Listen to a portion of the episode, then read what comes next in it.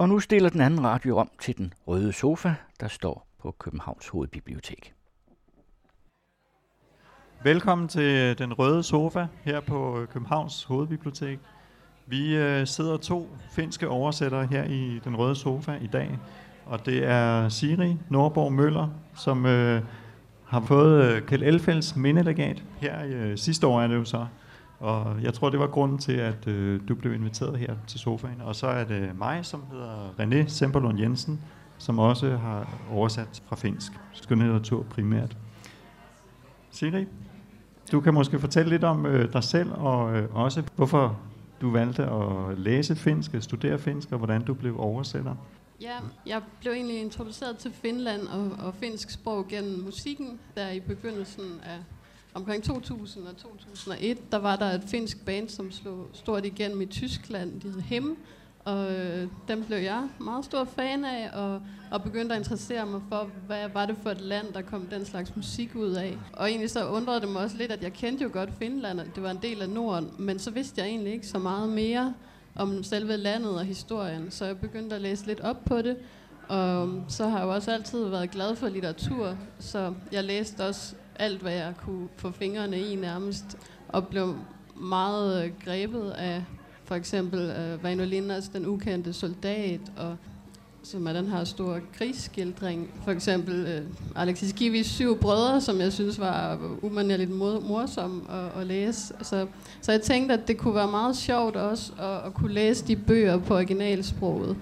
Og jeg havde hørt finsk, på svensk tv har de nogle finske nyheder. Jeg havde forsøgt at sidde og lave nogle ordlister og finde ud af, kan man, kan man begribe noget af det her sprog? Og det kunne jeg ikke rigtig på egen hånd, så derfor så var jeg simpelthen nødt til at begynde at læse det på universitetet. Så det gjorde jeg der i øh, 2002. Og jeg har altid været interesseret i oversættelse, sådan øvelser i skolen, for eksempel øh, tyske opgaver og sidde og oversætte. Der kunne jeg mærke, at det var noget, som jeg interesserede mig for og som jeg måske også selv mente, jeg havde lidt evner indenfor. Min far han var tolk og oversætter, så måske har det heller ikke været så fjernt øh, for mig at, at tænke på, at oversættelse var en mulighed. Men han havde russisk som sprog, og det var inden for fagoversættelse. Øh, så der er jo en lidt anden boldgade end det litterære.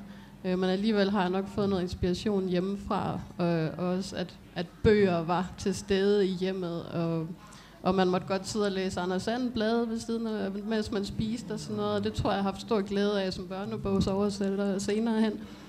Men den sådan væsentligste årsag til, at jeg så fik lov til at blive oversætter, det var jo på universitetet, hvor den daværende lektor Tula Eskaland, hun havde øhm, fundet ud af, at jeg havde den her interesse for oversættelse.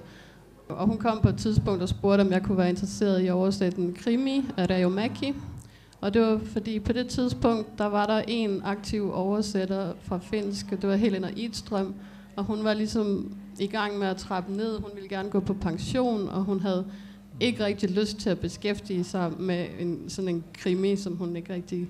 Det kunne hun ikke lige se nogen mening i. Men så var jeg jo heldig at, at få den tilbudt. Og det var en lidt voldsom opgave når jeg nu alligevel kun havde beskæftiget mig med finsk i sådan fire år eller noget i den stil. Så det var noget med at slå stort set alle ord op, og så prøve så, så godt jeg kunne.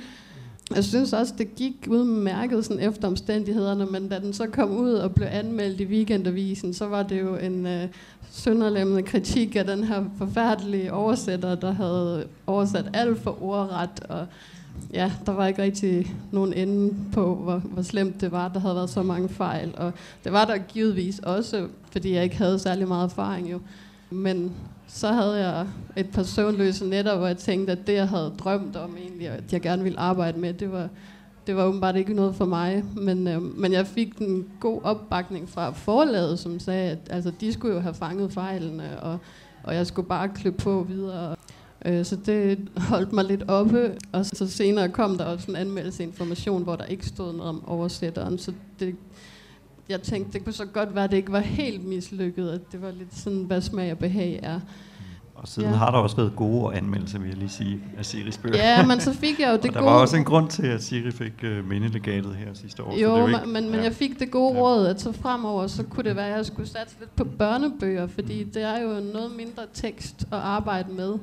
Og det var også Helena Idstrøm, som så sørgede for, at jeg fik en kontakt til Turbineforlaget, som har udgivet ret meget øh, finsk børne- og ungdomslitteratur øh, gennem de sidste år. Og der kunne jeg sådan lidt arbejde under radaren, og der var ikke nogen, der kom og punkede mig i hovedet, hvis jeg kom til at lave en lille fejl eller sådan noget undervejs. Men når det så er sagt, så er børnelitteratur jo også en ret udfordrende genre, så jeg tror også, jeg, jeg, jeg lærte virkelig meget ved at starte det sted med at skulle arbejde med rim og ramser og sjove vidigheder og mærkelige navne og sådan nogle ting. Men det her med øh, uddannelsen, som jo kom fra, du begyndte så at læse finsk, men øh, vi har også en del støtte fra Finland, som vi også skulle, skulle sige lidt om. øh, der findes et øh, finsk litteraturselskab, som jo virkelig støtter også oversætter rigtig godt, som også arrangerer seminarer og kurser for os osv. Så, videre. så det også har været en, en del, vel også af din uddannelse i, til at blive oversætter, tænker jeg. Jo, altså det handler om held også, fordi lige på det tidspunkt, som sagt, Helena Idstrøm var ved at, at gå på pension, og, og i Finland havde man ligesom bemærket, at nu var situationen i Danmark ved at være lidt kritisk i forhold til at få oversat finsk litteratur fremover. Så de lavede det her samarbejde med universitetet, og altså jeg har blandt andet været på seminar i Helsinki øh, for sådan nye oversættere, og, og også et seminar for børne- og ungdomslitteratur. Og det er noget, som Finland støtter økonomisk, så, så jeg har egentlig ikke selv skulle betale noget. Øh, så der kan man sige, at jeg er på en måde blevet uddannet af øh, Finland og, og deres øh, ønske om at promovere finsk litteratur i udlandet. Og vi har også øh, i, i 2009 arrangeret de et oversætterseminar for de danske studerende, der var interesserede i at blive oversættere. Øh, og der er vi jo nogle stykker efterhånden. Altså nu sidder vi to her, men der er jo også Birgitta Bunde Hansen, som oversætter virkelig meget, og det er meget øh, altså, væsentlige forfatterskaber, som er Sofie Oksanen og Kari Hotakainen øh, og Katja Getto, og meget krævende oversættelser, vil jeg sige. Og der er også udover det et par stykker til, som oversætter en enkelt bog i ny og næ. Så lige nu kan man sige, at vi har en, en, en meget gunstig situation i Danmark, øh, og faktisk sidste år var det det år, hvor der blev udgivet øh, flest finske titler i Danmark nogensinde. Vi var op, øh, jeg tror over 23 øh, bøger udkom sidste år.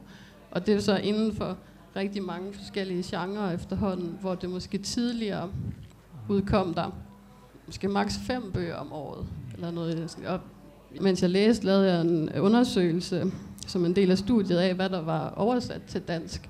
Og hvis man så på, øh, altså fra 1900 til 2000, så er det måske noget sådan i gennemsnit med en finsk bog, der er udkommet hvert år. Og der er jo så perioder, hvor at måske 10 år, hvor der slet ikke er udkommet noget. Så den situation, vi har nu, er ret fantastisk, øh, set fra, vi, fra et finsk synspunkt og et oversætter synspunkt. Vi, vi snakker lidt om et, et finsk boom her i Danmark faktisk, fordi jeg tror ikke, der er no, øh, har været oversat så mange titler faktisk fra finsk øh, tidligere, som der har været øh, er blevet nu her i de her år.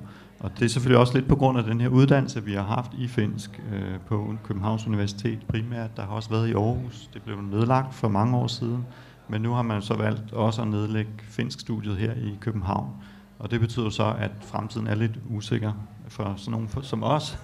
vi ved ikke helt, øh, hvor meget der så i fremtiden vil blive oversat, og det vil vi jo selvfølgelig meget ked af, os der sidder her. Men øh, det har altså været en grund til, at vi oplever det her boom, at den her kulturudveksling mellem Finland og Danmark nu pt. Ja, øhm, og så kan jeg ikke huske, om jeg nævnte det, men, men Finland støtter også oversættelserne, så en del af mit honorar, når jeg oversætter en bog, bliver som regel betalt fra Finland, og det er også gennem det her mm. FILI, Finnish Literature Exchange. Og det gør det selvfølgelig også mere attraktivt, for eksempel for små forlag, at begynde at se mod, hvad bliver der udgivet i Finland, fordi at, at de kan få en del af udgifterne betalt af den vej.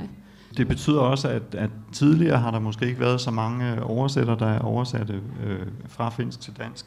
Og det, det betyder så også igen, at der faktisk er nogle huller hvis vi har siddet lidt og snakket om øh, sådan finske forfattere, som er ret kendte og sådan ret store, men som faktisk ikke er, er blevet oversat til, til dansk. Jeg ved, Siri, at du har en lille drøm om måske at oversætte nogle af de her huller, der har været. Øh. Ja, jeg tror måske, det bliver svært at få det realiseret, for man skal jo være god til at overtale forlagene øh, til øh, at udgive så gamle bøger. Og lige nu har vi også øh, rimelig travlt med at følge samtidslitteraturen. Men nu har jeg, altså jeg havde jo et, et, øh, et speciale om Olavi Parvolainen, men ham, jeg tror ikke, han er så interessant for nogen, men det er stadigvæk sådan en, en, en lille drøm, jeg godt må have for mig selv. Men jeg kunne forestille mig, at Volta Kilby for eksempel kunne være interessant at oversætte, men også vildt svært, så det er nok noget om 30 år eller sådan noget. Øh, bliver han ikke sammenlignet med øh, James Joyce eller noget i den stil, altså sådan det finske svar på James Joyce. Altså så mangler der jo også en, en del lyrik. Helena Idstrøm har oversat Pandisarikoski, men det er så nok også næsten den eneste lyriker, som vi har mere end bare sådan enkelte digte oversat af. Mm. Så det kunne være et, øh, et spændende sted at arbejde lidt med. Ja, for, for nu, øh, når vi taler om det her boom, det betyder så også, at øh, det, er ikke, det er ikke kun et boom af titler, der bliver oversat fra, fra finsk. Det er jo også et, et boom i genre, fordi vi har faktisk et ret bredt udvalg af forskellige genrer, som bliver oversat øh, fra finsk. Øh, og vi sidder jo med nogle af alle dine bøger her. Der er jo både tegneserier og børnebøger. Du sagde jo selv, at du startede med at oversætte børnebøger, men øh, du går videre også med at oversætte tegneserier og, og krimier og, og romaner. Så øh, vi, vi har jo siddet og snakket lidt om det også, men, men en ting, vi har tænkt på, er også, at det giver et lidt bredere billede af Finland her i Danmark. Netop fordi man har så stor bredde på det, der bliver oversat. Også mange forskellige typer af romaner. Vi har oversat øh, humoristiske romaner og også meget historiske romaner.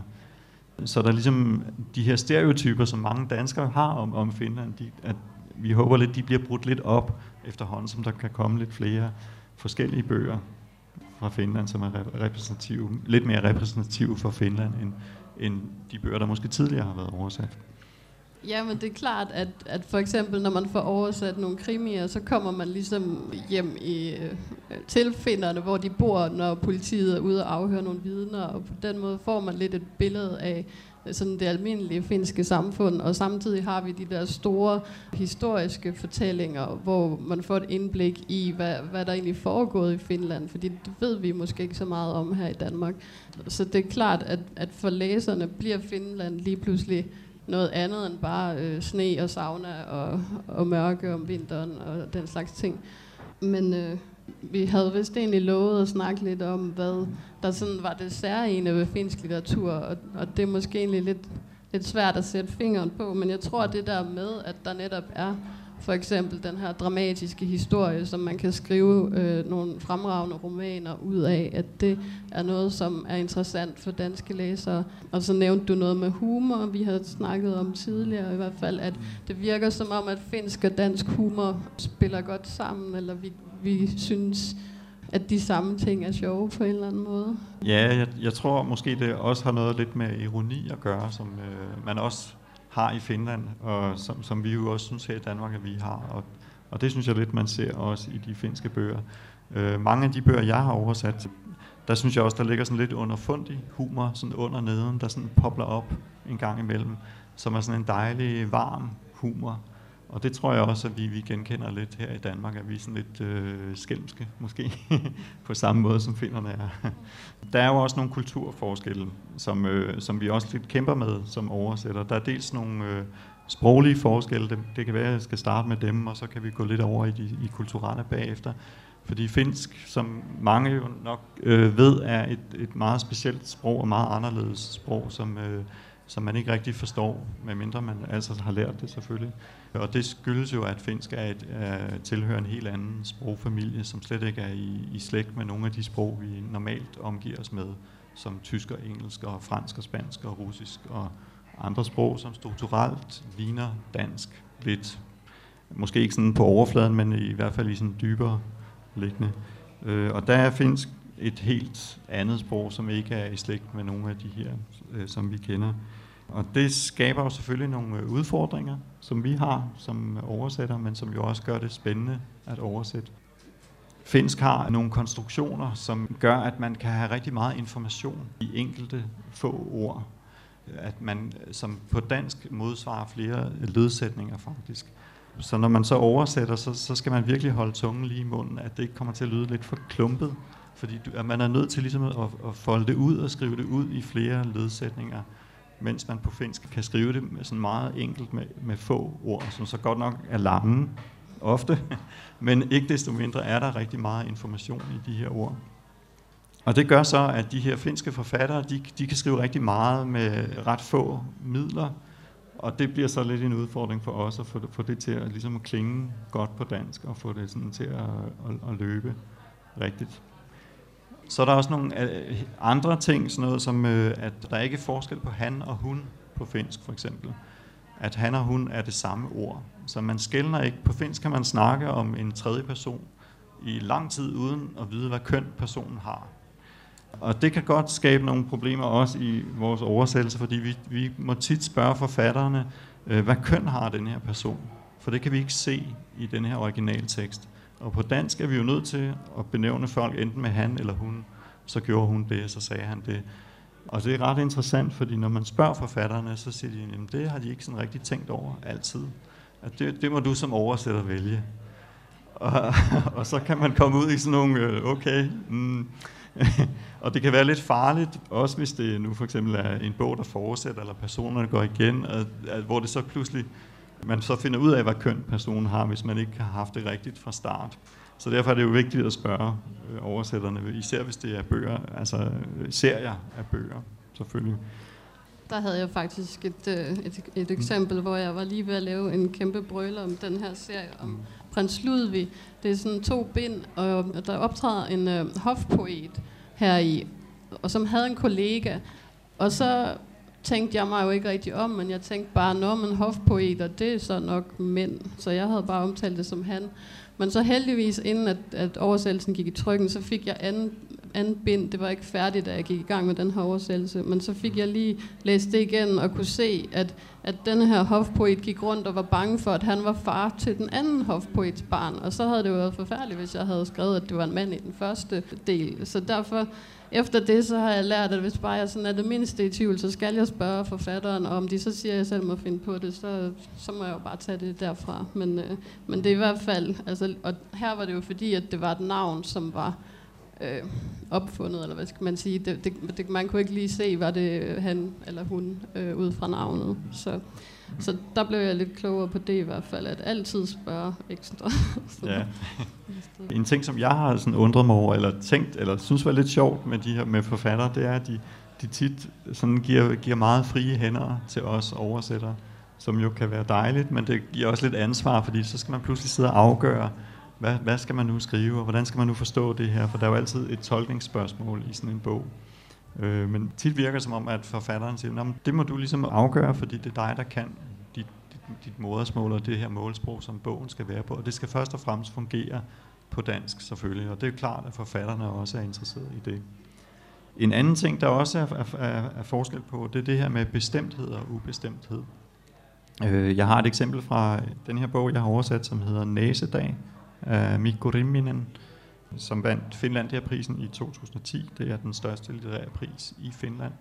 Og den blev oversat på norsk samtidig med, at jeg sad og oversatte den til dansk, og jeg havde selvfølgelig kontakt med den norske oversætter også. Så derfor hedder den, og vi valgte så lidt forskelligt. Øh, jeg har valgt at kalde den Næsedag. Det er også i samarbejde med redaktøren selvfølgelig, så det var en diskussion, jeg havde med min redaktør. Øh, men på norsk hedder den Næsedagen i bestemt form. Så det er et eksempel på, at det kan falde forskelligt ud på forskellige sprog, når de bliver oversat. Mm. Ja, nu du sidder med den der næsedag, så kunne det være, at vi skulle snakke lidt om øh, den her finske måde at konstruere nye ord på, fordi det finske sprog egner sig godt til, at man skaber sine egne ord. Og du havde en ret... Øh, jeg, har, jeg var virkelig på arbejde. opgave foran dig, kan man sige. jeg, skal, jeg skal måske lige nævne, at jeg har ikke oversat så meget, som Siri har, og jeg har heller ikke oversat så mange forskellige genrer. Jeg har mest oversat øh, romaner, faktisk.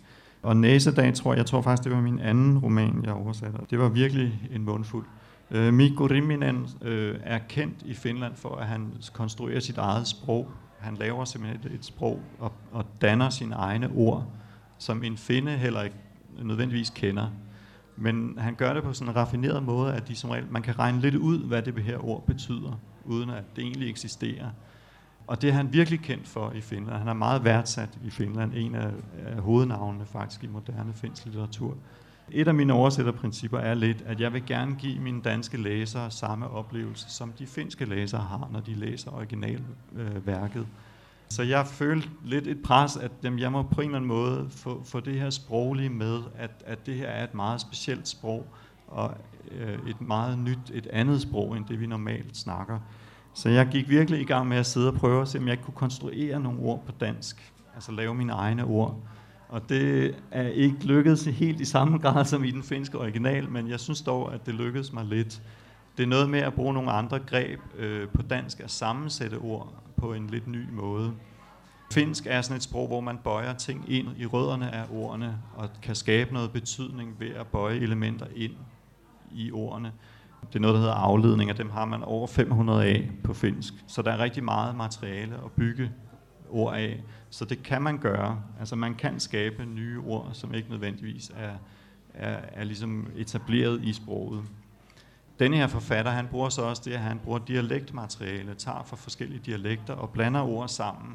Altså tager nogle led fra nogle ord og putter over på nogle andre ord, der kan komme fra andre dialekter osv. Så, videre. så det er egentlig en meget svær og meget umulig opgave. Men det jeg, det jeg gjorde, og nu kan jeg ikke sådan huske alle ord, men jeg har et eksempel, det er krøllificere, som er et ord, jeg, jeg så konstrueret til den her roman, og det skulle så betyde, at noget ligger og er krøllificeret, så det ligger lidt sådan rodet, sammenblandet henne i et hjørne for eksempel. Og det figurerer så i den her bog. Man kan også lave sådan noget med sammensætninger. Efterårsglødende lindetræ, for eksempel, tror jeg, jeg skrev, at, at det gløder, ligesom, jeg tænkte lidt på, at farverne kommer med, og det gløder så af efterår, det her træ. Så sådan noget kan man også prøve at skabe. Og så prøvede jeg at gå ud for sådan nogle lydord, Øh, for eksempel hvis man har en lyd som klonk, der er noget, der siger klonk, klonk, klonk, når man går op ad en trappe, med nogle, en stentrappe for eksempel med nogle sko, så siger det klonk, klonk, klonk. Og så kan man så klonke op ad trappen. Jeg ved ikke helt, om det fungerer, men i hvert fald, det var sådan nogle ting, jeg prøvede at arbejde lidt med på, at, på at skabe nogle ord, som ligesom var, var gennemsigtige, eller som man kunne regne ud, ud fra, også ud fra konteksten selvfølgelig, hvad de betød. Ja, jeg har heldigvis ikke haft så mange af den slags opgaver. Altså, der var en lille smule i, i denne her øh, himmelsang af Paulina Rauhala. Hun har et meget sådan, lyrisk sprog, så derfor var den, var den meget interessant at, at arbejde med, fordi at, øh, jeg synes, jeg fik lov til at skrive nogle meget lækre sætninger. Men noget af det, der var specielt for den her, altså det er jo også, når man så arbejder med et sprog, hvor der ikke er oversat så meget fra før, så kan man også støde på de udfordringer, at øh, der bliver refereret eller citeret fra nogle finske bøger, og hvis de så ikke er oversat tidligere, så kommer oversætteren jo på en lidt ekstra opgave. Og for eksempel i den her bliver der citeret fra øh, Kanteletar, som er sådan en øh, samling af finske, hvad kalder man det, ligesom kvad, eller folkeminde, ja, folke, folkedigte. Øhm, ja. Som følger noget, man kalder Kalevala meter, som betyder, at hver sætning har otte stavelser, og hvis man kan, så vil man også gerne have, at alle ord begynder med det samme bogstav, fordi bogstavrim er en, en meget stor ting, også i, mm. altså i finsk litteratur generelt. Øh, moderne det, forfattere det, det bruger det alle også, bøger, hvis de kan ja. komme, komme til det i hvert fald. Men det er lidt svært at, at gøre det på, på dansk, vil jeg sige, øh, fordi sproget er anderledes. Et eksempel er, jeg luller min lille lykke, jeg vugger min vakre vandfugl, jeg ammer min anemone. Altså man kan ikke gøre det fuldstændig ligesom på finsk, men man kan sådan prøve at komme lidt derhen af i hvert fald, så man lidt fornemmer rytmen, og den finske lyd kommer måske også lidt med mm. vakre vandfugl og den slags. Det er i hvert fald en udfordring hver dag, men man kan sige, at den her forfatter var så venlig at skrive en liste om bag bogen, hvor man kunne finde de forskellige ting henne, fordi samtidig er der jo også øh, citater, man skal ud og lede efter, og man skal først opdage selv, at det er citater, der er her. Og i øh, Lena Krons bipavillon, der var der store dele af et af kapitlerne, hvor jeg faktisk så ikke skulle oversætte noget selv, fordi jeg skulle hente oversættelsen fra en, en, en anden dansk oversættelse. Men jeg var nødt til at sidde og sammenligne teksterne og prøve at finde ud af, hvor er det lige præcis det her står. Det var noget, nogle citater fra øh, nogle breve, Freud havde skrevet, og de var heldigvis oversat til dansk, men, men der lå alligevel et stort sådan, research-arbejde i at prøve at, at sammenligne og finde ud af, er det lige præcis den her sætning, jeg skal bruge, eller er det en anden? Og så er der selvfølgelig også de kulturelle udfordringer, og øh, der, der tror jeg måske, vi har en lidt anden. Det kommer også lidt an på, hvilket sprog selvfølgelig man oversætter fra. For der er jo selvfølgelig nogle lande, der er mere kendte i Danmark end andre, hvor det måske... Finland er jo ikke så kendt i Danmark. Der er ikke så mange i Danmark, der ved, øh, eller har været i Finland, eller, eller kender så meget til landet egentlig. Så det er jo lidt noget, også vi må arbejde med, at vi skal gøre det tilgængeligt for vores læsere, og, og ligesom prøve at fange de ting, som øh, er ukendte, og prøve at forklare dem lidt, og prøve at skrive nogle forklaringer ind i bøgerne, uden at det bliver alt for påfaldende selvfølgelig, fordi forfatterne har ikke altid de her forklaringer med selv selvfølgelig. En anden ting, ja. som kan være lidt udfordrende med finsk, er jo også, når man skal have, altså bruge navne, øh, stednavne, og altså bare folks efternavne. Hvordan opfatter en dansk læser dem? Fordi at de kan være meget lange, og der kan være øh, nogle bogstaver og bogstavkombinationer, man måske ikke lige ved, hvordan, hvordan skal man udtale dem øh, på dansk. Mm. Og øh, der kan man jo prøve, så hvis det kan lade sig gøre, og, og arbejde lidt udenom det, vælge en mere neutral form, i stedet for at lige placere, at, øh, tale om en bestemt gade, så bare henvise til gaden, eller han gik hen til lejligheden, uden at vi behøver at vide, at den lå lige præcis i den gade. Øhm, det er selvfølgelig helt afhængigt af bogen og konteksten, om det er vigtigt at få med eller ej. Øhm, men jeg oversatte en børnebog. Den foregår i Helsinki. Og det, jeg synes ikke rigtigt, at jeg kunne tage Helsinki ud af bogen. Altså man kan se bare her på forsiden, er der domkirken, kan man lige ane øh, konturerne af. Og den handler om en, en øh, dreng, der mister hukommelsen, og så går han rundt der i Helsinki, og så møder han en anden dreng, som kommer fra et helt andet socialt lag, end han selv gør. Han kommer ud i nogle dele af byen, hvor han ikke har været før, og oplever, hvordan livet er der. Og så til sidst, så øh, når de ud til det her, det her sted, Vanhan kaupungin Lahti. Og når man ser det i en, i en tekst som, som dansker, så ved jeg ikke rigtig, hvordan man vil forsøge at Vanhan kaupungin Lahti, noget i den stil.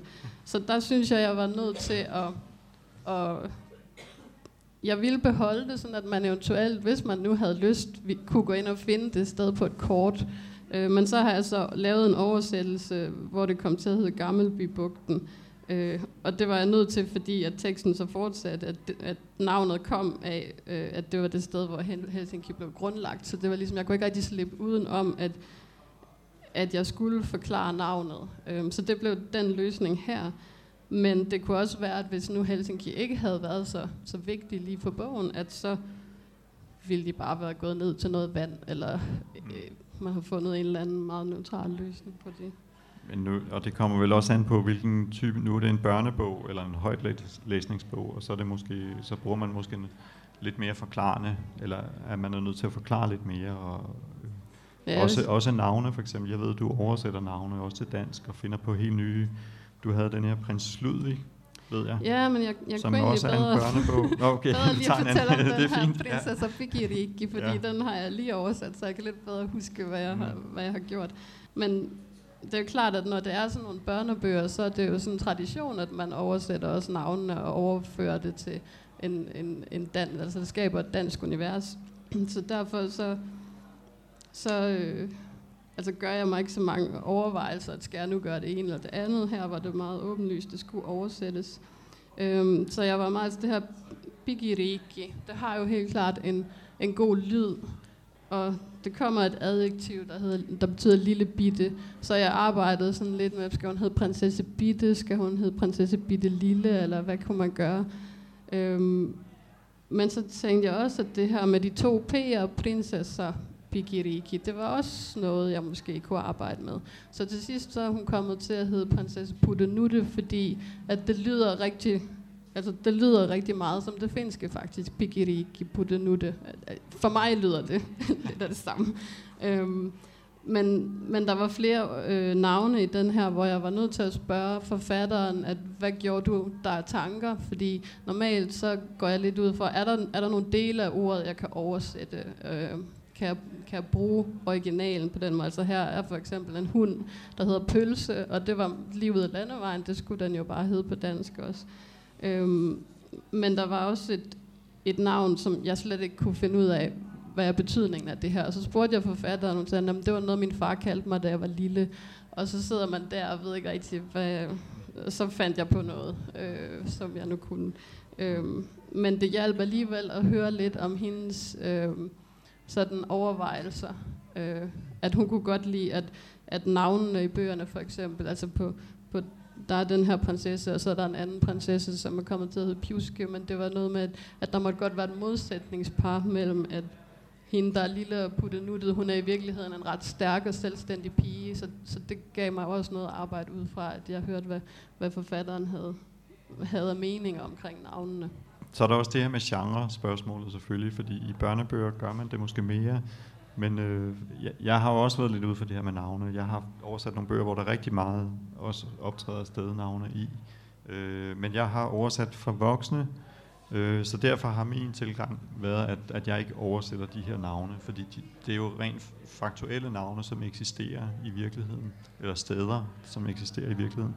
Den sidste bog, jeg har oversat, det er den her, som hedder Heller død end dement, af Minna Lindgren, som foregår, det er tre øh, damer på et plejehjem, der finder ud af, at der foregår noget fusk på det her plejehjem, og så øh, prøver de at, at finde ud af, hvad det er, der sker, og så videre. Og den er meget Helsinki-bunden. Altså det er en bog, der virkelig foregår i Helsinki, og, og hvor det er vigtigt, at hovedpersonen ligesom tager sporvognen rundt i byen og kigger på arkitektur og sådan noget. Det er, det er nærmest en guide til Helsinki faktisk. man kan tage den her bog med i hånden, og så kan man gå rundt i byen og, og se de her ting og få en masse information om, om bygninger og huse og hvem der har tegnet dem osv. Og, og det er, det er et vigtigt element, og det er vigtigt for den her forfatter ene og jeg har tænkt lidt på, jeg har oplevet det også i andre bøger, blandet i den her næsedag, som jeg har talt om, øh, som også, den foregår i et gammelt arbejderkvarter, hvor hovedpersonen Irma bor. Øh, Hakaniemi hedder det. Og der, og der figurerer også rigtig mange stednavne i den. Så måske er det også en form for øh, øh, øh, måde at skrive Helsinki ind i litteraturen på for, for nogle af de her finske forfattere. Det er noget, jeg sådan har overvejet lidt, om, om der kan være noget der. Så derfor synes jeg ikke, at jeg vil ændre på det.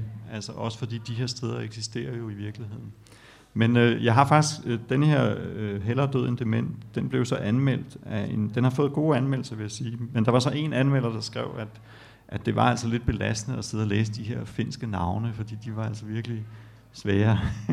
og det, det kan jeg selvfølgelig godt forstå, men, øh, men, men samtidig så tænkte jeg også lidt, jamen, det er jo, det er jo meningen, at, at man skal vide, hvor man er øh, i den her bog, og, og det har været vigtigt for forfatteren. Og så tænker jeg lidt, hvis det nu havde været Rom, for eksempel, så tror jeg ikke, at der var nogen anmeldere, der ville have reageret på, at, at der var mange italienske stednavne i. Så jeg tror også, det har lidt med det her at gøre med, at Helsinki er ukendt for danskere. Man kender ikke byen, øh, og, og, og sproget er så fremmed også på en eller anden måde. Så det, så et eller andet sted ser jeg også mig selv, og det tror jeg også, du gør som kulturformidler, at man ligesom prøver, at man ligesom åbner op for, for Finland og for Helsinki øh, via de her bøger. Det håber jeg i hvert fald lidt.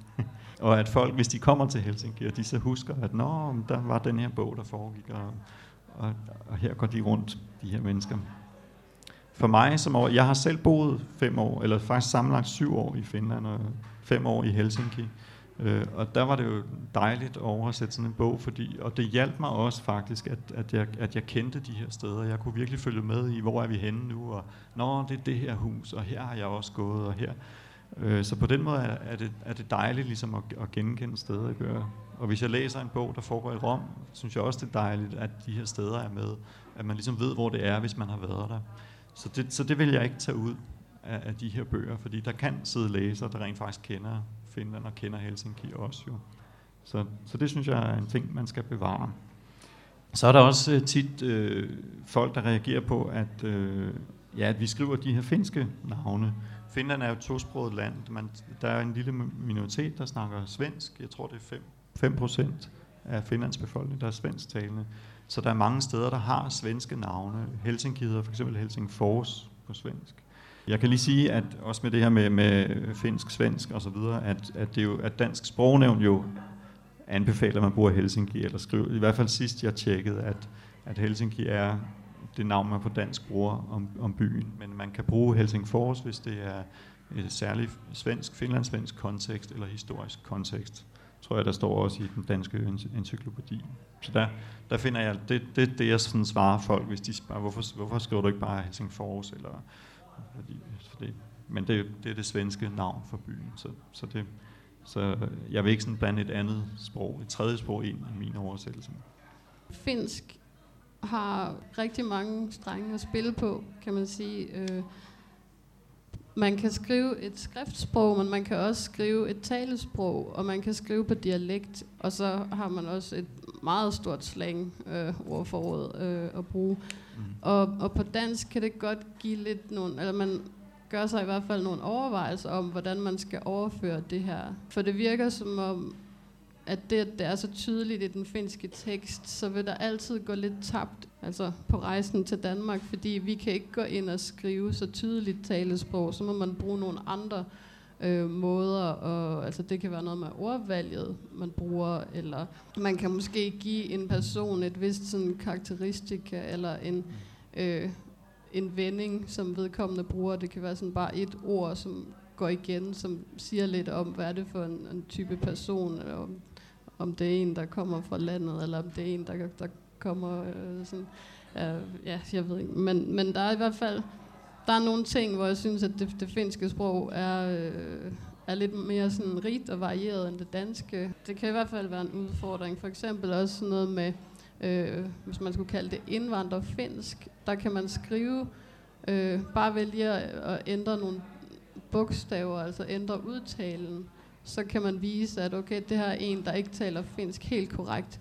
Men man kan ikke lave sådan en, helt på samme måde, synes jeg, en, en, en så lille finjustering af, at nu er det en, der taler lidt ikke helt korrekt. Fordi på dansk kommer det tit til at lyde lidt sådan... Um, lidt for voldsomt på en eller anden måde. Så, så det overvejer jeg samtidig i hvert fald, om man måske så bare skal skrive det i lidt mere enkelt dansk sprog, om det er den måde at, at gøre det på. Ja, altså jeg, jeg synes, det er lidt en udfordring indimellem i hvert fald, at finde ud af, hvordan man får overført de der forskellige stilniveauer på en god måde øh, til dansk. Det, det tror jeg også er et generelt problem for alle oversætter, ikke ja, nødvendigvis kun for finsk, men det her med stilniveauer og hvordan, ja, hvordan det nu lige bliver tilpasset til målsproget. Vi, vi snakkede også lidt tidligere om, om det her med de kulturelle ting. Det, det kan være, at vi lige skal her, måske til sidst her prøve at komme ind på det også. At der er selvfølgelig en udfordring også, som også er generelt for alle oversættere, det her med referencerammerne, som kan være forskellige. Øh, og der har vi i hvert fald det her med den finske historie, som jo er, er anderledes og, og meget, også lidt, faktisk lidt ukendt her i Danmark. Jeg tror ikke, der er så mange danskere, der kender Finlands historie så godt. Men jeg tror, at det også er en del øh, af årsagen til, at, at vi har set det her boom af Sofie Oksanen, for eksempel, som skriver øh, histori- lidt historisk. Det er så lidt mere estisk selvfølgelig, og, og, og Sovjet, men det er tæt på Finland, og Finland har også levet med det her øh, Sovjet-Rusland lige opad altså som nabo. Så det kan være en del af også grunden til, at, at, at, at vi ser det her lidt boom i finske bøger her i Danmark, at, at, at, at folk måske synes, det her historiske er interessant. Og at det er så anderledes, og det her med på grænsen mellem Østeuropa og Vesteuropa, som Finland jo er. Det her, man, man savner terminologi, kunne man kalde det. Altså det, det her med, at man sidder og basker sig med et birkeris i saunaen, er måske også lidt mærkeligt at forholde sig til øh, som dansker. Og, øh, og der skal ja, man også du, du, du fortalte mig, at man skal passe lidt på, fordi ja, man skal for eksempel finderne ikke sidder med sådan en birkegrene, som de så sidder, så sidder man og slår sig selv på ryggen. Altså man, man, og så sagde du, at, at man skulle passe på med at, sidde, med at skrive, at, de, at forældrene piskede børnene i saunaen, for det kan lyde helt, helt mm. forkert. jo, men så, det er jo egentlig det, man gør. Man, man sidder, men det er noget med, at det her øh, ris, eller saunaris, de her birkegrene, det åbner op for, for porerne i huden, sådan, så det bliver en meget dejligere fornemmelse at sidde i den her sauna. Så det, det, det, det er faktisk en god ting, en dejlig ting at sidde og fiske sig selv i en sauna. Men det kan komme til at lyde sådan helt forkert, når man skal oversætte det. Ja, Okay, så vi siger tusind tak. Tusind tak, fordi Ja, I mødte tak, op fordi I og ville kom. høre på os. Tak. Det var Siri Nordborg Møller og René Semperlund Jensen, vi mødte i den røde sofa på Hovedbiblioteket i København.